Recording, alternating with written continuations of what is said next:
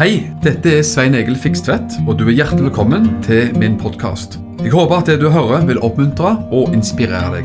Ønsker du mer informasjon om arbeidet i drivet, så kan du gå til mission-alliance.org. Gud velsigne deg.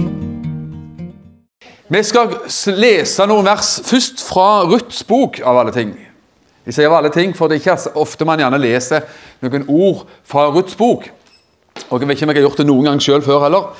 Men Ruth 1, kapittel 16, Ruth 1, 16, sterke, fantastiske ord, legendariske ord, har jeg lyst til å kalle det. Og Der står det, og skal vi heller forklare historien etterpå. Men Ruth sa, be meg ikke om å forlate deg eller om å vende tilbake, så jeg ikke lenger følger etter deg. For hvor du går, vil jeg gå, og hvor du tar bolig, vil jeg ta bolig. Ditt folk er mitt folk, og din Gud er min Gud. Så skal du få historien, og Mange av oss sikkert kjenner Ruths bok, og det er en sterk bok på så mange måter. Og eh, Det er jo den boka som er oppkalt også etter en ikke-jødisk person i Bibelen. Og Det var det jødiske ekteparet Elimelek og Nomi som dro av gårde fra Israels land over til landet Moab. Landet Moab er jo i øst for Israel og er i, dag, i, i dagens Jordan. Og Der eh, bodde de pga. hungersnød i Israels land. og Dette er en bok og en tid fra omtrent dommertiden i Bibelen. Cirka, grovt sagt 1100 år før Kristus. Og De hadde med seg sine to sønner også. Det var han at De heter Malon og Kiljon. Og så skjedde det at når de bodde i Moab, så døde mannen til Naomi. Og, eh, og, Da satt jo denne her Nomi igjen med sine to sønner, enka.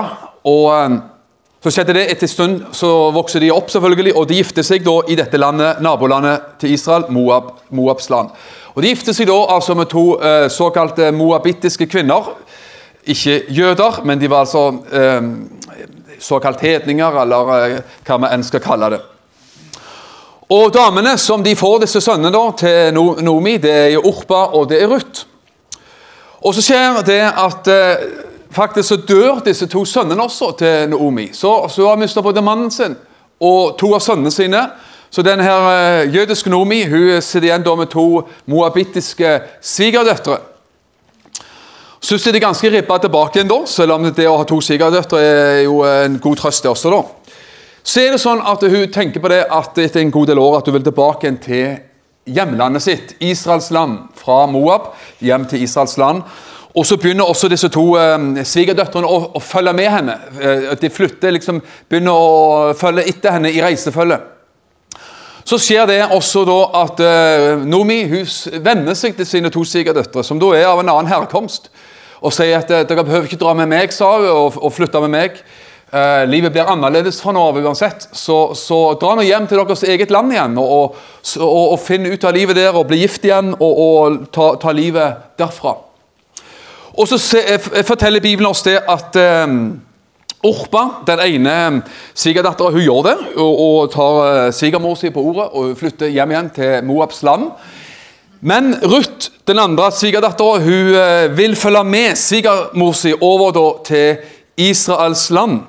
Og Da står det bl.a. i vers 14 i uh, Ruth 1,14. Men Ruth, eller vers 14, ja, og Orpa uh, kysset sin svigermor farvel, men Ruth holdt seg til henne.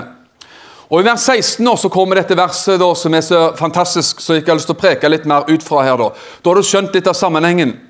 Men Ruth sa, altså hun ble bedt om av svigermora dra til hjemlandet ditt og hold deg der. Men Ruth sa, be meg ikke om å forlate deg eller om å vende tilbake, så jeg ikke følger etter deg. For hvor du går, vil jeg gå, og hvor du tar bolig, der vil jeg ta bolig. Ditt folk er mitt folk, og din Gud er min Gud. Og det er spesielt det siste linja der som jeg syns er fantastisk. Ut fra det som vi har delt her nå, så har jeg lyst til å si noen ord om vårt forhold til Israel og jødefolket. Og jeg har lyst til at du og meg, Det burde være naturlig for deg og meg som er nytestamentlige troende å ha presis den samme holdningen som Ruth hadde. Ved å si at din Gud er min Gud, ditt folk er mitt folk. Og jeg tror nettopp det er en akkurat presis og en enestående beskrivelse av hvordan du og meg burde ha vårt forhold til dette som har med Israel og jødefolket å gjøre. Vet du hva? Det er naturlig for en bibeltro kristen. Det er naturlig for en eh, evangelisk kristen, for det er du og meg. Det er naturlig for mennesker som går i menigheten Moria, og det er naturlig for menigheten Moria, det vet vi veldig godt, å være sanne Israel-venner. Så jeg har kalt mitt budskap her i dag det å være en sann kristen, og det å være en sann Israel-venn. Amen. Det passet å si ammen der, men du gikk glipp av det, noen. Men det, sånn er det jo. Eh, skoier litt innimellom her, men det var jo sant jeg sa likevel, da. Og Dette budskapet som skal preke om her i dag, det mener jeg, og det, det er ikke noe sånn, i hvert fall ingen korrekt Moria-menigheten, for dette her lever dette budskapet og den forståelsen i aller beste velgående. og Derfor så taler jeg til mine egne her i dag. Men det burde være normalt for alle evangeliske kristne, alle som har et forhold til Bibelen, et, et klassisk teologisk forhold til Bibelen, og være sanne Israels venner i sin, si, i sin ryggmerg og ryggrad. altså. Det er det ingen tvil om. Og vi trenger faktisk også en økt bevissthet på disse tingene her. Vet du hva? Vi lever i spennende tider. Og Det har vi prekt om før, og jeg har prekt om det, og jeg liker å preke om det også, for å forstå tiden vi lever i. Nå skal vi holde oss til dette emnet her i dag og ikke ta alle andre ting. Men eh, nå var det valg for omtrent en uke siden, og vi har nok fått det mest anti-israelske stortinget som, eh, som, man kanskje har hatt i Norge på, på, aldri så lang tid. Det burde bekymre oss, og det burde mane oss til bønn som Guds folk. Og tenke gjennom øh, hvordan man eventuelt har stemt. Det er for seint, men det går an å tenke litt lenger fram i tid, naturligvis. Men jeg har lyst til å snakke litt om det. og For dette er økende anti, sterkt økende antisemittiske og anti-israelske holdninger i samfunnet. Og Da er det så viktig at du og meg som kristne ikke sover i timen og er sløve på det, men faktisk står opp for det landet og står opp for det folket eh, faktisk. Og så er det naturlig vet du, at en kristen sånn som du og meg, vi er Israel-venner, vi er jødevenner, og vi er kristensionister, må du vite. Halleluja! Hva, hva, er det? Jo, det er nå er ikke vi sionister, vi er kristensionister på den måten at som kristne så støtter vi fullt ut Israels folk, eh, jødefolket til å vende tilbake igjen til sitt land og bosette seg i sitt land. Og der har vi ingenting å verken skjemmes av eller å fire på. Jeg har lyst til å ta deg med og skal prøve å litt, eh, ikke fortape oss i for mange skriftsteder, sånn at man, man, det blir liksom en dobbel bibeltime her i dag. Men du og meg har vår åndelige arv fra og gjennom det jødiske folk. Og Det er viktig å skjønne det, sånn at det ikke det som jeg sier, eller det som andre Israels venner sier, bare blir kjappe proklamasjoner som man ikke skjønner så mye av til syvende og sist. Men at vi forstår vår åndelige arv. Og er det noe som har betydd mye for meg å forstå, eh, så er det nettopp at det, forstå vår åndelige arv, og hvor vi har vår åndelige arv fra. Og at det fins faktisk åndskamp på disse tingene som en preker her i dag. Du vet, Din og min frelseshistorie den kommer fra Det gamle testamentet. Den kommer fra den jødiske historien. Og denne min frelseshistorie den begynte ikke med, selv om det er et fantastisk vers, Johannes 3, 16. For så høyt har Gud elska verden, at han ga sin sønn den enbårne for at hver den som tror på han ikke skal gå fortapt, men har evig liv. Det her det er mitt punkt, så visst. Et kjernevers i vår frelseshistorie. Men vår frelseshistorie begynte faktisk ikke der. Og uh, vår frelseshistorie begynner heller ikke fra Lukas-evangeliet. Kapittel 1 og, og der omkring. Det skjedde i de dager at det gikk ut et budskap, bud fra keiser Augustus at hele verden skulle innskrives i manntall. Selv der begynner ikke vår frelseshistorie. Men vår frelseshistorie begynner i Edens hage. Er du klar over det? Det begynner faktisk etter syndefallet, når den første profetien om Jesus skulle komme. Og da leser jeg det bare for at vi skal få det med fra litt sånn grunnleggende her. Første Mosebok 3,14 sier da sa Herren eh, Gud til slangen fordi du, altså slangen, har gjort dette, skal du være forbannet framfor all fe og framfor ethvert dyr på marken. På buken skal du krype, og støv skal du ete alle ditt livs dager. Jeg setter fiendskap mellom deg, altså slangen, og kvinnen, Eva, og mellom din, slangens ett, og hennes ett, Eva sin ett. Og så står det plutselig noe kanskje rart, men det står så står det plutselig noe om en han som kommer på banen. For så han skal knuse ditt hode, og du skal knuse hans hæl, står det. Og her kommer den første profetien om Jesus, at han er Messias.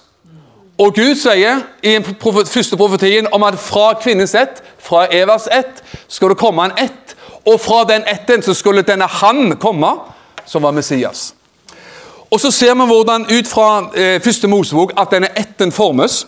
Eh, første Mosebok kapittel 12, eh, vers 1-3 eh, er jo disse kjente versene der Gud sier at eh, Gud kaller Abraham, eller Abraham som den gangen het, dra ut fra ditt land og den slekt og fra din fars hus, til det landet som jeg skal vise deg, sier han. Jeg skal gjøre deg til et stort folk. Jeg skal velsigne deg og gjøre din, ditt navn stort, og du skal bli til velsignelse. Jeg skal velsigne deg, som, dem som velsigner deg, og jeg skal forbanne den som forbanner deg. Og i deg skal alle slekter på jorden bli velsignet. Og så vet vi jo det ut fra Galaterbrevet blant annet, og Romerbrevet også, at dette her er herlig og salig oppfylt i evangeliet om Jesus. At Jesus er den etten. Han er oppfyllelsen av det. Og det kom gjennom den linja som heter Abraham og Isak og Jakob osv. Så sånn. Og så ser man det i første Mosebok at uh, igjen og igjen så snakker Gud når Gud snakker til Abraham, senere til Isak, sønnen hans, og senere til Jakob. Så sier Gud egentlig det samme igjen og igjen, at du skal få et land, og du skal bli til stort folk. Og ut fra din ett så skal det komme velsignelse ut over hele jorden. Og Gud han presiserer også til Abraham mange ganger at eh, du skal få en sønn med kona di, Sara. Men det hadde han ikke på det tidspunktet, så han ble fryktelig utålmodig. vet du, Når han visste at Gud hadde sagt det igjen og igjen, at fra, fra deg og fra Sara så skal du få en sønn, og fra denne sønnen så skal slektskapet og denne slekta og denne ætten da rulle og gå videre. Så ble jo, veldig, så ble jo uh, denne godeste uh, Abraham ble, uh, og Sara også ble utålmodige. Så de tenkte vi tar en snarvei for å hjelpe Gud. Gud er, Gud er, Gud er, Gud er treg. Så, med, så, det ble gjort et forslag da, at eh, Abraham skulle få et barn med, med Hagar i stedet for. Og få slekta til å rulle og gå videre gjennom Hagar. Og så kom altså sønnen Ismael. Men Gud gir seg ikke, og Ismael kom, men Gud gir seg ikke og maser igjen på Abraham at eh, du skal få en sønn gjennom Sara. Og eh, på den måten denne ætten skal formes og gå videre. Og Abraham han blir rett og slett litt sånn lei og trøtt og lei og sur på masingen til Gud. ser det ut for. Og Da leser jeg første Mosebok kapittel 17, vers 15-19. Da sa Gud til Abraham, Sarai, din hustru, skal du ikke lenger kalle med navnet Sarai, men Sara skal være hennes navn. Jeg skal velsigne henne og også gi deg en sønn med henne. Så skal jeg velsigne henne, og folkeslag skal komme fra henne. Konger over folkeslag skal utgå fra henne. Da falt Abraham ned på sitt ansikt og lo, sier Bibelen. Tenk på det. Han lo. Og han sa i sitt hjerte, kan det bli født barn til en mann som er 100 år gammel? Og Sara, og Sara føder hun som er 90 år, eh, 90 år gammel. Abraham sa til Gud. Og hadde Gud trodde han et veldig godt for, forslag til Abraham. Altså, Må bare Ismael få lov å leve for et åsyn? Det er som han sier at Nå har jeg hørt nok om dette løftet om denne Isak. Jeg har en annen sønn, sier han. Kan vi ikke bare fikse hele opplegget gjennom Ismael? Han er jo her allerede. Født og konfirmert, holdt jeg på å si. Kan vi ikke bare ordne det? Han lo av Gud. Nå, nå, nå, begynner dette å bli litt, litt uh, en, en, en, Fra å være en god vits til å bli en dårlig vits. Det var Svein Egils oversettelse. Han sier må bare Ismael heller få leve for et åsyn. Da sa Gud Vet du hva Gud sa da? Nei, sa han. Nei.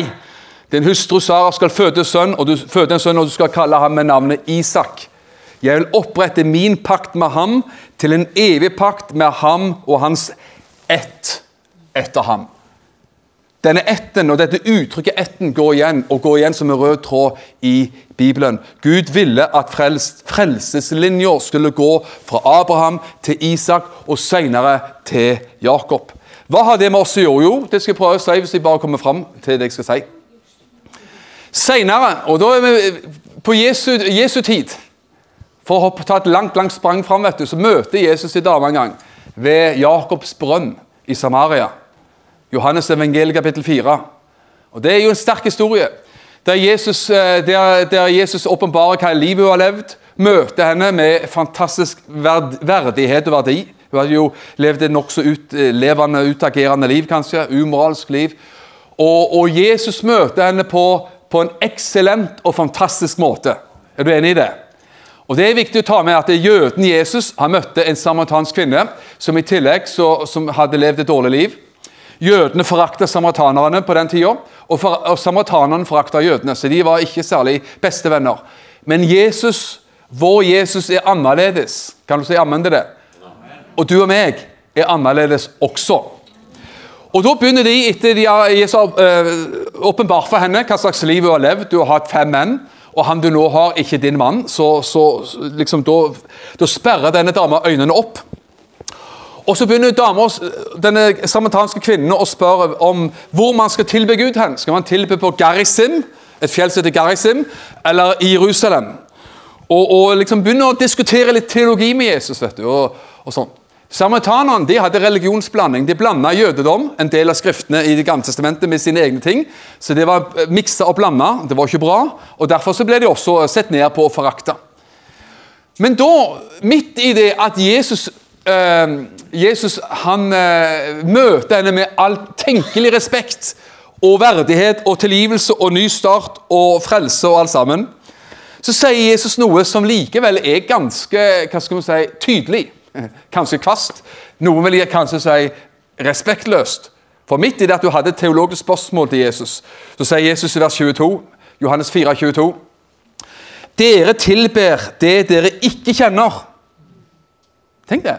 Jeg vet ikke om du ville gjort det når du satt og snakket med noen av en annen tro. skulle snakke koselig med en person som hadde en annen tro.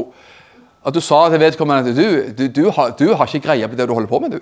Har, du har faktisk ikke helt peiling, men det har jeg. Om det er alltid en god måte å møte folk på, det skal, får du tenke sjøl. Men Jesus gikk jo langt på den uh, runden der og sier til denne samaritanske dama Dere tilber det dere ikke kjenner, sa han. Vi tilber det vi kjenner. Dere har ikke greie på det, men vi har greie på det, sa Jesus. og så sier han, for frelsen kommer fra jødene, sa han. Kan du se det? Jesus presiserte det henne, at eh, frelsen den kommer fra jødene. Og vet du hva? Det gjelder enn i dag. Ja, men du sier frelsen kommer fra jødene. Kommer ikke frelsen fra Gud? Kommer ikke frelsen fra Jesus? Kommer ikke frelsen fra korset? Selvfølgelig gjør, ja, ja, ja, frelsen det. Det er Gud som frelser. Men Gud har latt sin frelsesplan komme, og frelseshistorie komme gjennom og via det jødiske folk. Gjennom utvelgelsen av Abraham, Isak og Jakob. Og Jesus fører denne linja videre i Det nye testamentet når han møter denne dama som hadde en annen tro, hadde en annen teologisk sammensetning. Jesus presiserer det klart og sterkt og tydelig til henne. Frelsen kommer fra jødene, sa Jesus. Vet du hva? Du og meg har vår åndelige arv fra og gjennom og via jødefolket. Og det burde, for, det burde gjøre at det, det vi som har med Israel å gjøre, det som har med Jerusalem å gjøre, det er ikke, bare, det, det er ikke for oss likegyldig. Det er ikke sånn at Man kan bare trekke på skuldrene og si at det, det, det for politikere bry seg om, eller andre spesielt interesserte å holde på med. Det angår enhver som tar sin bibel, og som tar sin åndelige arv, og som tar Bibelen på alvor. Romerne 3.1-4 sier, vi skal lese i hvert fall noe av det Hvilken fordel har da jøden, sier Paulus? Eller hvilken gagn er det om omskjærelsen? Så sier han mye på alle måter, sier han, så han har flere ting å si. og Det sier han uh, seinere. Men jeg legger på min Sven Egils oversettelse, men for å, for å si det kort, sier Paulus, først og fremst at Guds ord ble betrodd dem. Guds ord, det som du og meg har her, ble betrodd og gitt til det jødiske folk, og vi har fått vår åndelige arv derfra. Romerne 9, vers 1-5 sier Jeg taler sannhet i Kristus, jeg lyver ikke. Og min samvittighet vitner også sammen med meg i Den hellige ånd. Og jeg har stor sorg og stadig nød i mitt hjerte, sier han. For jeg kunne ønske at jeg selv var forbannet bort fra Kristus, for mine brødres skyld og for mine landsmenn etter kjødet. Jeg skal stanse bitte litt der, skal vi lese videre etterpå. For å ta sammenhengene i Romerbrevet. Romerne 8 er jo et spinnvilt og herlig kapittel. Det er bra. På mange måter. Om at vi lever et liv i ånden. Åndens liv osv. Så sånn. Eh, det begynner med det at vi er fri fra loven selvfølgelig, og fri fra å være trell under synden, for vi er kjøpt fri til noe større og bedre. Amen. Og så preker Paulus på slutten av romerbrevet. Så ender Paulus opp med en, en hva skal vi si, en, en salig beruselse. En kjærlighetshyllest. En hyllest til Guds kjærlighet. Hvem kan skille oss fra Kristi kjærlighet? Kan forfølgelse, nød, angst, nakenhet, fare, sverd og alt mulig annet Kan det skille oss fra Kristi kjærlighet? Interessant at Paulus sier det, som opplevde akkurat de tingene. Han opplevde sult, fare, sverd, nød eh, og alle tenkelige ting opplevde Paulus.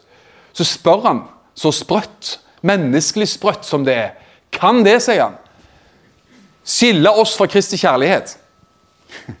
Svaret er nei. Svaret gir seg selv, men han sier det også. Jeg er overbevist om at verken fare, sverd, engler, krefter, død, liv, det som nå er, det som skal komme, skal kunne skille oss fra Kristi kjærlighet. Guds kjærlighet, den som er i Kristus Jesus. Er du enig i dette? Det sier han. Så han, han slutter jo romerbrevet på en sånn høyde, en salig høyde. Og så er det som om han snur helt om i, i Romerne 9. Det er som om tonen slår helt om. Fra å være salig berusa på Guds kjærlighet, så er han jo det ennå, men så slår han om likevel og deler sin nød. Jeg har sånn nød og jeg har sånn sorg i mitt hjerte, sagt igjen med mine ord, for at ikke mitt eget folk har opplevd dette. Han hadde opplevd det som en jøde, og mange andre, og mange hedninger hadde opplevd det. Så sa han det er som om han river seg i håret og sier at er det virkelig mulig? Hvordan er det mulig?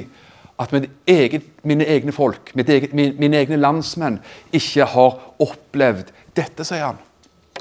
Og Da leser jeg videre, vers 4. De, sier han, som er israelitter og Så sier han, også den, så kommer også Paulus her med den åndelige arven som kom fra jødene. Som Gud har gitt de jødiske folk gjennom Abraham, Isak, Jakob og, og alle de andre som kommer opp igjennom.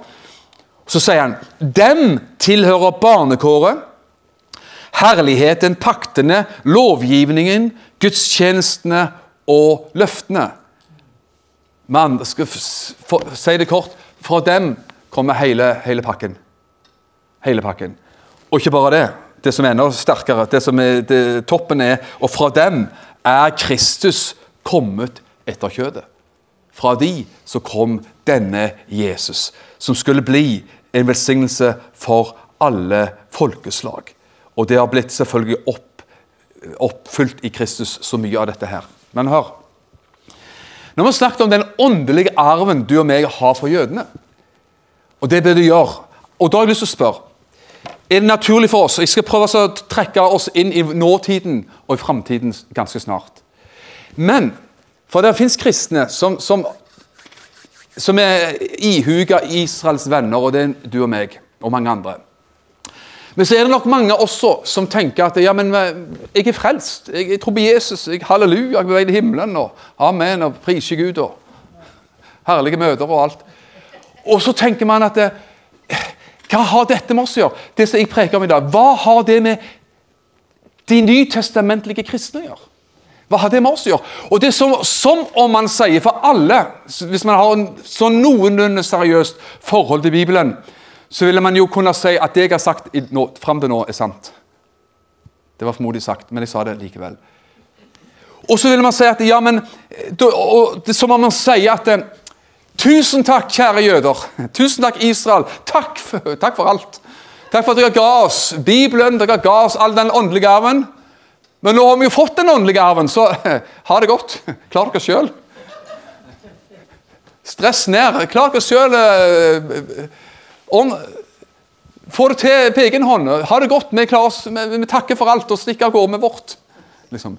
Vi kysser de farvel og sier ha det. Ha det bra. Men så enkelt er det ikke. Så enkelt er det ikke. Sånn enkelt, så enkelt burde det ikke være. Fordi at det, vårt forhold til Israel og jødefolket burde, burde være dypere enn som så at vi sier tusen takk for alt, ha det godt, klar dere sjøl fra nå av. Fordi at det, vår, Vi vet jo at Israel fikk sitt land igjen i 1948. Eh, og Siden den gangen har jo eh, jøder flytta til Israel eh, fra 150 nasjoner omtrent.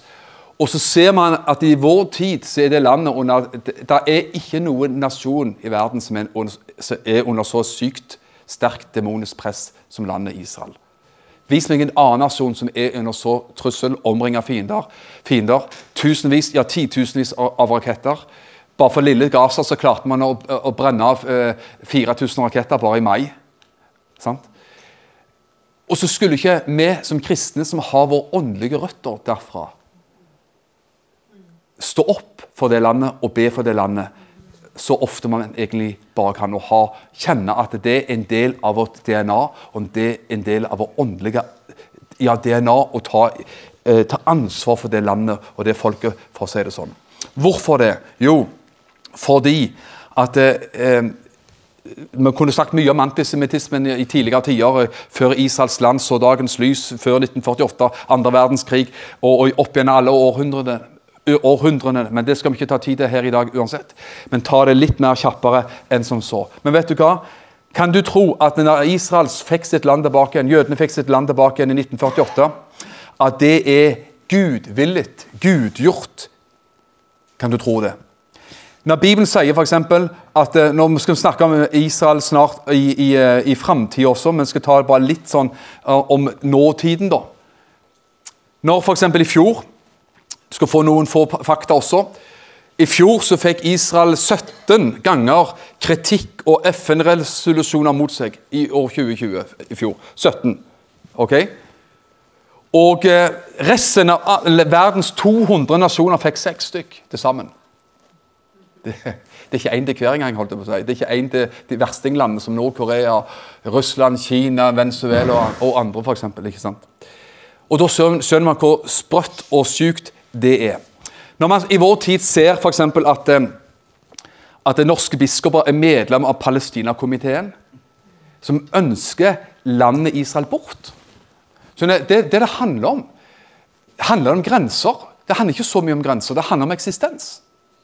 Det handler faktisk om man tror på og er enige i det fakta at Israel skal få lov til å eksistere som en nasjon. Så kommer grenser og eh, meninger og dilledall om grenser i neste runde, får man si. Men vet du hva, det handler faktisk Og det finnes mer og mer krefter som faktisk påstår at Israel har ingen rett til eksistens. Og med mitt spørsmål, Fins det noe annet land av verdens 200 nasjoner som opplever det? At man har faktisk ikke lov til å eksistere. Det er et mistak, det er et historisk mistak at man faktisk eh, etablerte det landet der. Palestinske skolebøker forherliger jihad. Og, og, og, når man lærer matematikk på palestinske skoler, så uh, driver man mattestykker om, om uh, selvmordsbombere. Hvor mange, Fem selvmordsbombere pluss to, to eh, selvmordsbombere, hvor mange blir det? liksom? Er du klar over at de har sånne absurde og syke regnestykker i, i, i skolebøker, palestinske skolebøker osv.? Så sånn. AUF, Arbeiderpartiets ungdomsorganisasjon, AUF, de, de søsterorganisasjonen heter Fata Youth på Vestbredden. De kjemper mot at Israel skal eksistere som land. De forherliger eh, jihad, vold, eh, selvmordsbombing osv. Så sånn. I Norge, blant få land i Vesten, så definerer man ikke Hamas som en terrororganisasjon. Tyskland gjør det for eksempel. Og Tyskland har sagt at BDS-bevegelsen, boikottbevegelsen, eh, uh, boikotting av israelske varer, er forbudt. Og er definert som antisemittisme i Tyskland. I Norge så er det rekordmange mennesker på Stortinget som i vår tid nå eh, står for en enormt sterk anti-israelsk linje. Skal få et lyspunkt, så du ikke blir helt deprimert. Og Da har de gjerne fått det med deg at Høyres stortingsrepresentant stortingsrepresentant Ingjerd Skau. Hun har vært med å tegne under et opprop eh, fra, blant eh, par, par, parlamentarikere både i USA og i Norge som kommer, har kommet med opprop, opprop mot, uh, overfor FN om at de må slutte med sine sterkt anti-israelske holdninger og resolusjoner. Det er tøft gjort. At det finnes også noen sånne stortingsrepresentanter blant oss. Det er jo selvfølgelig veldig, veldig bra. Så vet du hva? ut fra den åndelige arven vi har fått, så kan ikke vi bare sitte i båten og være stille og, og la humla suse og, og, blåse i alt. Vi kan ikke det. Og vet Du hva? Du behøver ikke være enig med Israel i alt heller. Du kan være glad i Israel fra hjertet ditt. Mitt forhold til Israel er ikke basert på hvem som er statsminister til enhver tid. Mitt forhold til Israel er basert på Guds ord. Det som jeg preker om nå. Jeg er like glad i Norge, samme hvem som er statsminister i Norge og blir statsminister. Det vet vi hvem er. Jonas Gahr Støre. Jeg feirer 17. mai akkurat like salig enten det er Støre eller Erna Solberg som er statsminister i Norge. For det er landet mitt. Jeg er glad i landet mitt. Er du ikke glad i Norge? Jeg er, like, jeg er glad i Israel sammen med hvem som er statsminister i Israel. Jeg, det, det, er basert på noe helt annet enn hva media sier. Og det er selvfølgelig basert på helt andre ting, også ut fra hva den israelske regjeringen måtte gjøre eller ikke gjøre til enhver tid. Om du skulle eller ikke skulle være enig i ett og alt. Det er kolossalt viktig. La meg spørre mot slutten. Jeg følger med på klokka til og med. Hvis hvis det er så, hvis Gud, hvis vi kan bevise i Bibelen at Gud ikke er ferdig med Israel Hvis vi kan bevise det, hvis Gud ikke er ferdig med er i dag, i dette Herrens år 2021 Hvis vi kan bevise fra Bibelen at Gud ikke er ferdig med Israel og Jerusalem, kan vi være ferdig med Israel og Jerusalem da? Nei. Det er så enkelt. Og hvis skal ta en annen sånn tankerekke her, hvis det var sånn til og med at det ikke fantes noen ting mer for Israel om Jerusalem, om det ikke fantes noen ting, så var bare det at det vi har fått fra Israel Nå var det min, jeg vet ikke hva det var. Om bare om det ikke var noe mer for Israel noen gang i framtiden, så ville det vi har prekt om fram til nå her, være nok til at vi skulle være de beste støttende for det landet og folket som de, no, de noen gang har hatt og sett. Amen. Men i tillegg så er det sånn at eh, vi kan bevise for Bibelen at Gud ikke er ferdig med det landet, den byen og det folket. Og Derfor så kan ikke heller du og meg være nettopp det. La meg lese en eh, sterk historie, eh, noen ord, eh, om Jerusalems framtid. Det er Jesus som sa dette. Og Vi skal ikke komme inn på Romerbrevet 11 i dag i det hele tatt. Les Romerbrevet 11, så får du masse, mye bra med deg. Lukas 21, 24, så snakker Jesus om de siste tider, om ting som skulle skje framover. Og jeg kan si bl.a. at de skal falle for sverdets egg og bli bortført som fanger til alle folkeslag. Bibelen snakker om to bortføringer av det jødiske folk. Det ene skjedde jo ca. 600 år før Kristus til Babylon. De kom tilbake igjen etter 70 år. Og som om det ikke er nok, så lanserer Jesus, eller profeterer Jesus om en ny diaspora. Og Da sier Jesus i sin endetidsundervisning at de skal falle for sverdets egg og bli bortført som fanger til alle folkeslag. Og Jerusalem skal være nedtrampet av hedninger inntil hedningenes tider er oppfylt eller forbi. Du ser at det verset der det har faktisk ikke blitt oppfylt før i, vår, i nyere tid. For Jesus sa det skal komme en tid der Jerusalem skal falle. Folket mitt skal føres bort, og det skjedde jo i år 70. Og Så sier han at byen Jerusalem kommer til å være nedtrampa av hedninger. Under hedens dominans og eierskap og, og okkupasjon, eller kall det hva du vil fram til Og da må du finne skjønne at når du finner det sånne ord, et visst ord i Bibelen som heter 'inntil', så er det et interessant ord. For det forteller om noe som skal foregå fram til et visst tidspunkt. Det skal foregå, og det skal skje, og du skal ha tilstand inntil noe skjer. Ikke sant?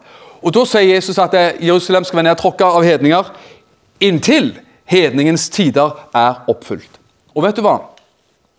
Gradvis så har jo Jerusalem blitt kommet over til jødenes hender. Det har sett etappevis. Det er ikke sånn at en profeti fra en dag til en annen så har det liksom skjedd sånn som det. Bibelens profetier kan oppfylles trinnvis.